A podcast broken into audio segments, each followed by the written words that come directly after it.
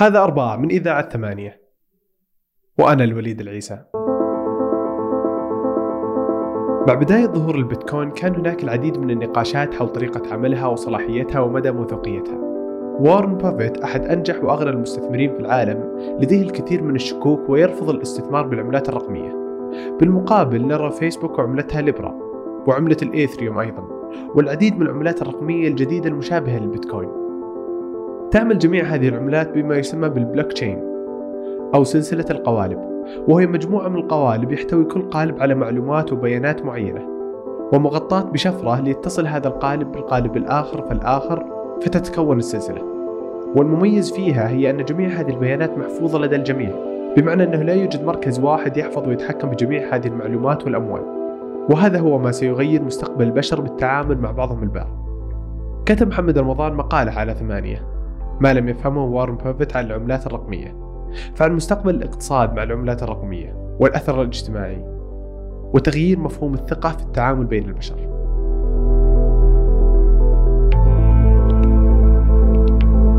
كان في حدث مهم أو أعتقد إنه على قدر كبير يعني من الأهمية في الفترة الأخيرة وهو إنه الشركة اللي بتطور الاثريوم اللي هي واحدة من أهم العملات الرقمية اللي موجودة دلوقتي. أعلنت إنه مع بداية 2020 هتعمل تطوير كبير جدا في العملة بتاعتها إنها مش هتبقى بس عملة لمجرد التداول وإنك تدفع بيها أونلاين أو إنك تتلقى بيها الراتب أونلاين لو أنت شغال freelance أو أو إنما هتبقى عملة بتعمل حاجة جديدة اسمها smart contracting اللي هو العقود الذكية. هي ببساطة شديدة جدا عبارة عن طريقة توثيق للعقود والأصول والبيع والشراء. بعيدة كل البعد عن فكرة إنك لازم توثقها من الدولة أو من الأرشيف المركزي للدولة أو إنك تحتاج لمؤسسات وسيطة زي البنوك والشركات إنها تؤشر بصلاحية هذا التحويل أو هذا نقل الأصول أو البيع أو الشراء. وببساطه شديده ده مش محتاجة دي لأنه هي بتبقى أقرب لفكرة إنه العقد بيملكه محطوط على الشبكة العامة للناس كلها فبالتالي في استحالة عملية إنك تقدر تبيع نفس الحاجة مرتين ببساطة شديدة جدا لو أنت بتمتلك بيت فبعته الوليد فبالتالي م. لازم أسجل العملية البيع دي في الشهر العقاري مثلا في مصر عشان ما أقدرش عشان ده حماية لحقوق ملكيتي عشان ما يقدرش وليد يقدر يبيع البيت ده تاني لواحد واثنين وثلاثة وأربعة فده بيخلي إنه في مؤسسة وسيطة في عملية التوثيق دي وهي الدولة إن هي الشرع العقاري في النهايه بتدير الدولة يعني م. فكرة إن إحنا نستغني عن وجود المؤسسة الوسيطة دي لصالح إن إحنا نعمل حاجة ديجيتال بالكامل بدون تدخل المؤسسات الوسيطة وبالتالي وأكثر امنا طبعا من ناحية الأمان الرقمي. بالتالي العقد ممكن يتسرق ممكن يضيع من أرشيف الشهر العقاري ممكن تحصل مشاكل قانونية في القضاء في تسجيله. فبالتالي ده بيتغلب على صعوبات كتيرة في عملية التوثيق نفسها. لما بتخش بقى تقرأ عن ال debate الموجود وإن ال debate ده شارك فيه ناس زي وارن بافيت اللي هو واحد من أهم المستثمرين في البورصة في العالم يعني يكن اهم واحد من أغنى م. ناس في العالم. وشارك فيه ناس زي إيلون ماسك فيسبوك طورت عملة رقمية. الموضوع بتحس إنه ده شيء كبير جدا. لو كذا لو مسكناها من تحت وش البيتكوين أصلا؟ خلينا مثلا نعتقد إنه الفلوس. يعني أي فلوس في الدنيا أي مصاري في الدنيا هي عبارة عن عقد. مجموعة من الناس قررت إنها تخترع آلية للتداول بعيدا عن الفضة والذهب والمعادن التقليدية النفيسة اللي هي كان ليها قيمة حقيقية موجودة يعني والناس بتستخدمها في التداول. الناس قررت إن أنت تديني سلعة فأديك ورقة مكتوب عليها إن أنا خدت منك سلعة بهذه القيمة. مع انتشار الفلوس الورقية والفلوس المطبوعة دي الناس بقى عندها ثقة في قدرة الفلوس دي على إنها تجيب لك حقك. يعني أنت خدت مني أنا اديتك سلعة فخدت منك ريال أو خدت منك جنيه. فلما أنا أروح لشخص تاني اخد منه سلعة أو هو يجي ياخد مني سلعة فيديني الجنيه فأنا عندي ثقة إن هو الجنيه ده هو مساوي لقيمة السلعة. فالاتفاق العام بين الناس والثقة العامة بين الناس دي إنه هذه الورقة تساوي حاجة هو اللي بيخليها تساوي حاجة إنما هي actually هي still ورقة يعني هي مش مش قيمة حقيقية بحد ذاتها. أيوه فهي مرتبطة بفكرة إنه الناس متفقة إن ليها قيمة. البيتكوين هي نفس الفكرة تحديدا هي نفس الأساس إنه إحنا لو عندنا مجتمع من البشر عنده اتفاق إنه هذه العمليات الإلكترونية اللي بتتعمل هي ذات قيمة وهذه العمليات الإلكترونية يمكن تبدلها وإجراء تبادلات بينها وتحويلها لنقود حقيقية بمعنى إنها نقود ورقية يعني. فوجود البيتكوين كعملة هو نتيجة اتفاق الناس إنه البيتكوين عملة. هي بتتعامل بإنه في تكنولوجيا وراها اسمها البلوك تشين إيه البلوك تشين ده؟ ببساطة شديدة جدا في زي network كبيرة جدا على ملايين الأجهزة في العالم. ال network دي بتطلب من ال... من مجموعة من الناس اللي هم ال miners اللي هم المعدنين المعدن ده هو شخص بيمتلك جهاز كمبيوتر في البيت بس بيكونوا إمكانياته أفضل طبعا.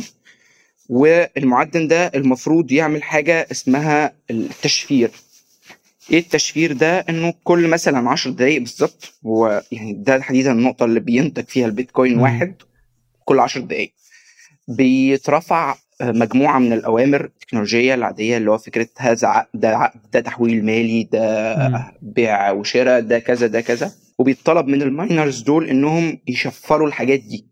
واللي بيشفرها الأول هو اللي بياخد الجايزة عليها اللي هي البيتكوين الواحد بيتكوين آه. أو هذول ال miners أو المنقبين هذول ناس موظفين ولا ولا إيش؟ لا لا لا ناس عادية جدا. ناس عادية عندها basic knowledge بال بال بالكمبيوتر وتكنولوجيا ال block ال blockchain والبت وعندهم معرفة بال بال بال بالبلوك تشين وفي منصات بتعمل ده يعني هو كل اللي بيعمله إن هو بيفتح المنصة أو ال application اللي بيعمل عمليه التشفير دي وبيفضل مخلي جهازه موجود متصل بالإنترنت وبالكهرباء. بيكافئ مثلا كل أربع خمس أيام بإنه ياخد بيتكوين واحدة بإنه ياخد كل شهر اتنين بيتكوين ثلاثة بيتكوين.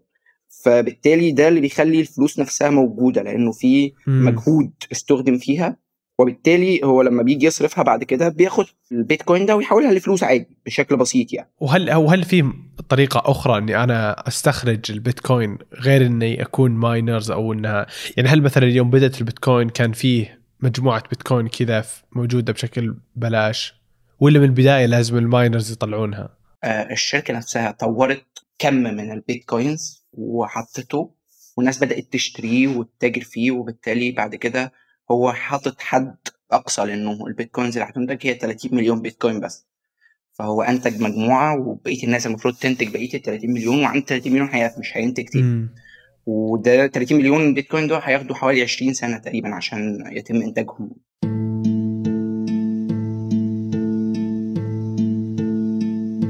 هي من اسمها هي البلوك يعني قالب تشين يعني سلسلة. ببساطه ليه؟ هي سلسلة من القوالب. القوالب دي هي عبارة عن ثلاث حاجات مهمة جدا. اولا هي محتوى القالب نفسه اللي هو هي عملية بيع ولا شراء ولا تحويل مالي ولا إيه بالظبط. محتوى القالب ده بيبقى بالظبط ببساطة شديدة جدا شبيه جدا بفكرة الخطاب أو العقد. من كذا إلى كذا وقيمة العملية دي كذا مثلا. المحتوى ده هو اللي بيتم تشفيره عن طريق حاجة اسمها السطح الخارجي للقالب. السطح ده اللي هو السطح المشفر ده هو اللي بيحمي محتويات القالب دي من إنها تتعرض لأي تلاعب فيها يعني تمام؟ الأهم في الموضوع إنه في حاجة اسمها the chain of previous chain يعني بمعنى ده اللي بيربط القالب ده بالقالب اللي قبله بيربط القالب ده بالقالب اللي بعده. عشان العملية تمنع من التكرار عشان زي ما قلت لك في الأول ما ينفعش مثلا تكرر عملية التحويل المالي أو شراء البيت أكتر من مرة. فعملية التشفير دي نفسها دي بتكون القالب نفسه. تمام؟ والقالب ده بيرتبط بالقالب اللي بعده بالقالب اللي بعده بالقالب اللي بعده فيطلع عندنا blockchain blockchain بقى دي عبارة عن تحويلات مالية عبارة عن شراء أصول عبارة عن أسهم وسندات. طب كيف ك... يعني البلوك تشين ممكن يأثر على على مستقبلنا كبشر؟ يعني مو بس اقتصادنا يعني أنا أعرف إن هي كذا لها قيمة اقتصادية ولكن أنا أعتقد إن لها أثر كبير يعني على حياتنا. فقبل الأثر الاقتصادي كيف ممكن يغير شكل مستقبل البشرية؟ الحقيقة هو البلوك تشين فكرته الأساسية أو فكرته المحوريه في اللي ورا تطوير التكنولوجيا دي هي فكرة اللامركزية واللامركزية للسلطة، اللامركزية للسلطة الاقتصادية واللامركزية للسلطة السياسية، اللامركزيه للسلطه الاجتماع البشري نفسها. وإحنا لو بصينا على تاريخ البشرية هتلاقي إنه تاريخ البشرية هو تاريخ صراع حوالين السلطة هو تاريخ صراع من الذي يحكم من اللي بيتحكم في الموارد. هل البشرية قادرة على إدارة الموارد دي بشكل تعاوني أو تشاركي ولا غير قادرة على ده؟ الاقتصاد التشاركي ممكن يؤثر بشكل ما على المدى الطويل على الاجتماع البشري نفسه. لو انتقلت بالبلدي كده خناقة البشرية أو معركة البشرية أو الصراع البشري انتقل من فكرة التفكير في السلطة نفسها أو الصراع الموارد لفكرة الصراع حوالين إدارة السلطة والموارد دي بشكل تشاركي. فده هيحمل تغيير جذري جدا في المجتمع وفي الطرق اللي بيتفاعل بيها المجتمع ده مع مع نفسه وفي طرق تفاعل الأفراد بينهم وبين بعض. لأنه في النهاية الغاية الأساسية للصراع هتبقى غير موجودة بشكل ما أو بآخر يعني. مم. فبالتالي قدرة المجتمعات على بناء تكنولوجيا أكثر تشاركية زي دي مش هي بس اللي بتحدد يعني يعني في النهاية البلوك تشين موجودة بس في النهاية ما شفناش التطبيقات دي عشان مفيش إرادة سياسية ومفيش سياق موضوعي وسياق اقتصادي يسمح بإنه الحاجات دي هي اللي تسيطر أو تبقى مم. موجودة بالشكل الكافي لإنه تغير وجه البشرية دلوقتي مش هي بس التكنولوجيا لوحدها أو مش التكنولوجيا اللي هتغير حياة البشر لكن في النهاية مدى رغبة البشر دول في تغيير أو في استخدام التكنولوجيا دي لصالحهم يعني يعني في النهاية مش التكنولوجيا هي اللي بتخلي ناس أغنياء وفقراء هي في النهاية الناس هي اللي بتخلي في ناس أغنياء والناس هي اللي مم. بتخلي في ناس فقراء.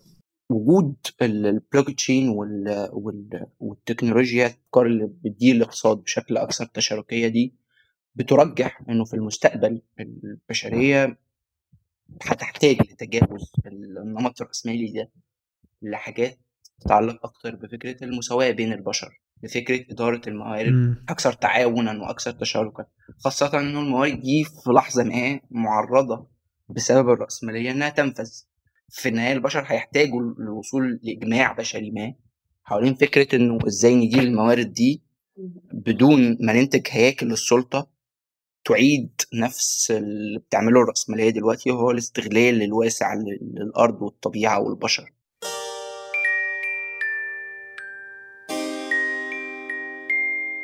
وعلى الصعيد الاقتصادي بحكم إنها كذا هذه هي العملة الرقمية.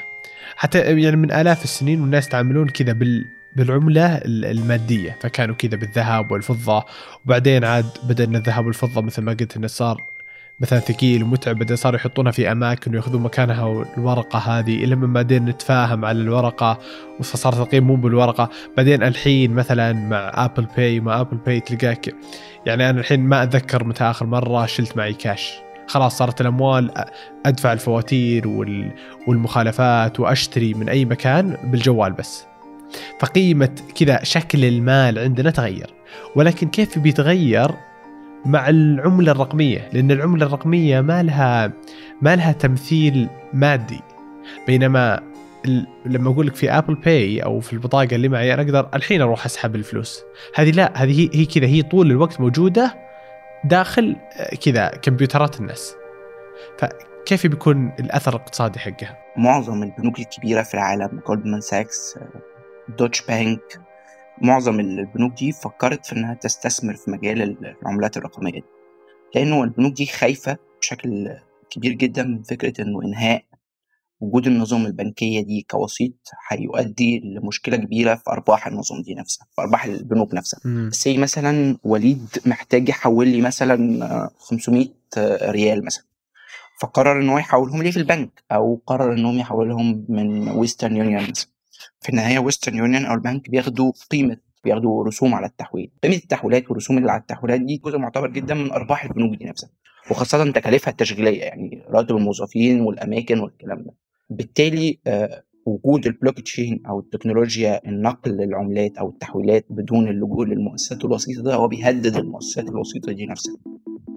بالتالي البنوك دي سارعت لفكرة إنه إحنا نستثمر في في البلوك تشين دي من خلال استثمارنا في البلوك تشين دي ممكن نطور تكنولوجيا بان إحنا نستمر في تحقيق الأرباح دي نفسها عن طريق ال blockchain.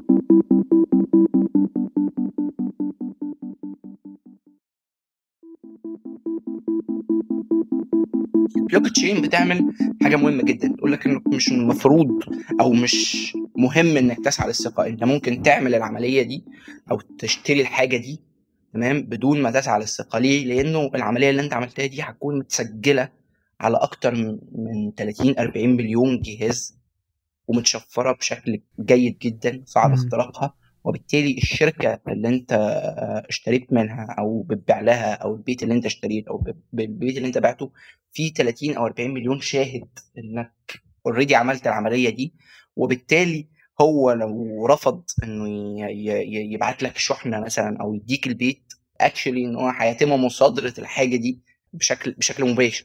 طبعا ده بيتدخل فيه برضو فكرة إنه الدولة نفسها هل هتعترف بالبلوك تشين دي أو بالبيتكوين كعملات أو بال smart contracting ده ولا لأ؟ مين الدول اللي هتعترف ومين الدول اللي مش هتعترف؟ هل هيبقى ليك قدرة على مثلا إنك لو اشتريت بيت في في, في السويد مثلا والسويد ما بتعترفش بفكرة البيتكوين هيبقى legally binding للطرف السويدي ولا مش هيبقى legally binding ولكن فكرة لأول مرة في التاريخ البشر ممكن يتاجروا مع بعض بدون فكرة الحاجة للثقة إحنا ممكن نتاجر مع أشخاص ما نعرفهمش. موضوع البلوك تشين والتكنولوجيا الجديدة دي اللي هي معظمها تنتمي لطيف واسع من التكنولوجيا بتتعلق بفكرة ال cooperative economy أو الاقتصاد التشاركي بشكل اعم شوية. وهي حاجات مثلا زي ويكيبيديا إنه آه، ويكيبيديا حاجة ثورية عشان هي بتتيح كم كبير جدا من المعلومات بدون ما تاخد أي مقابل. وبتتيح إنه منتجي المعلومات دول يكونوا مليارات البشر حوالين العالم يتشاركوا هذه المعلومات. أنت ممكن تخش على صفحة ويكيبيديا تعمل edit فكرة إن إدارة الموارد. اللي هي على رأسها طبعا الأفكار والمعرفة البشرية بشكل تشاركي. الحاجات اللي شبه دي بعتقد يعني إنها جزء من محاولة التجاوز أو حل أزمة الرأسمالية الحالية. وهي فكرة إنه التسليع المبالغ فيه لكل شيء في النهاية ده مش مفيد مش مفيد للجميع مش مفيد حتى للرأسمالية نفسها. في النهاية قدرة الناس على الاستهلاك طول ما هي قليلة طول ما هي الناس مش هتعرف تشتري حتى السلعة دي. طول ما معدلات الأرباح بتاعت الشركات هتقل على المدى الطويل طبعا. وبالتالي فكرة ضمن الاقتصاد التشاركي زي البلوك تشين بقى ويكيبيديا زي حاجات زي ال SoundCloud تطبيقات زي زي Airbnb زي Uber ده بيخلي بيفتح أفق جديدة جدا للتغيير الاجتماعي البشري نفسه. يعني خلينا مثلا نفكر في حاجة زي Uber اوبر بشكل بسيط جدا بتعمل حاجة زي ال pooling services بتعمل تجميع لخدمات بمعنى إنه وليد عنده عربية ومحمد عنده عربية وسين وصاد وعين من الناس دول ما عندهمش عربية ولكن بيحتاجوا للتنقل بالعربية. فمحمد ووليد بيقدموا خدمة إنهم يمتلكوا العربية دي وسين وصاد وعين بيجوا يستهلكوا من محمد ووليد عشان هم عندهم العربية. والشركة بتبقى في النهاية مجمع للخدمات دي بتجمع العربيات دي كلها توديها للمستهلكين دول كلهم. في النهاية ده مش حاجة decentralized قوي يعني حاجة مش حاجة لا مركزية لأنه في النهاية لسه في مؤسسه وسيطه اللي هي اوبر نفسها. إنما لو اوبر دي تطورت في المستقبل إن الناس تستخدم تكنولوجيا البلوك تشين خرجت نفسها من العملية دي واعتمدت على فكرة إنه إحنا هنحقق أرباح مش من إننا ناخد جزء من التعريفة مثلا اللي بياخدها السائق وان إحنا هنعتمد مثلا على فكرة إن إحنا نقدم خدمات تشاركية تانية أكتر مثلا زي توصيل الطعام دي يكون في توسيع للموضوع أكتر فبالتالي إحنا اربح من القصة دي ونستغني عن فكرة إن إحنا ناخد رسوم من السواقين. ده بتخلي الناس مع الوقت قادرة على إنها يبقى عندها اكسس أكتر للوصول للخدمات دي. وبالتالي عندها قدرة أكبر على فكرة إنهم يترقوا اجتماعيا. أكبر مثلا في مصر ترافق دخولها في مصر مع أزمة تعويم الجنيه. تحديدا أوبر خلت 150 ألف شخص معظمهم أرباب أسر في مصر قادرين بشكل أكبر على التكيف مع الأزمة اللي أنتجها تعويم الجنيه لأنه تعويم الجنيه في مصر أنتج معدلات تضخم وصلت 82% فده خلى الناس أقل قدرة بشكل كبير على الاستهلاك ولكن مصدر الدخل الإضافي اللي وفرته أوبر ده خلى ناس كتير تقدر تتكيف مع الموضوع تتكيف مع الأزمة الاقتصادية اللي بتحصل. هنا أنت مش بتفكر بقى في فكرة التكيف بس مع الأزمة ولكن بتفكر في فكرة إنه تبني شيء أكثر استدامة. إيه اللي ممكن يتبني أكثر استدامة بشكل تشاركي؟ مجموعات كبيرة من البشر تشترك في الإنتاج مجموعات كبيرة من البشر تستهلك ما ينتجه هؤلاء البشر. بدون وجود المؤسسات الوسيطة اللي هي بتجمع الخدمات أو بتجمع الموارد والسلع دي يعني أعتقد إن هو عنده قدرة على تجاوز النمط الرأسمالي نفسه.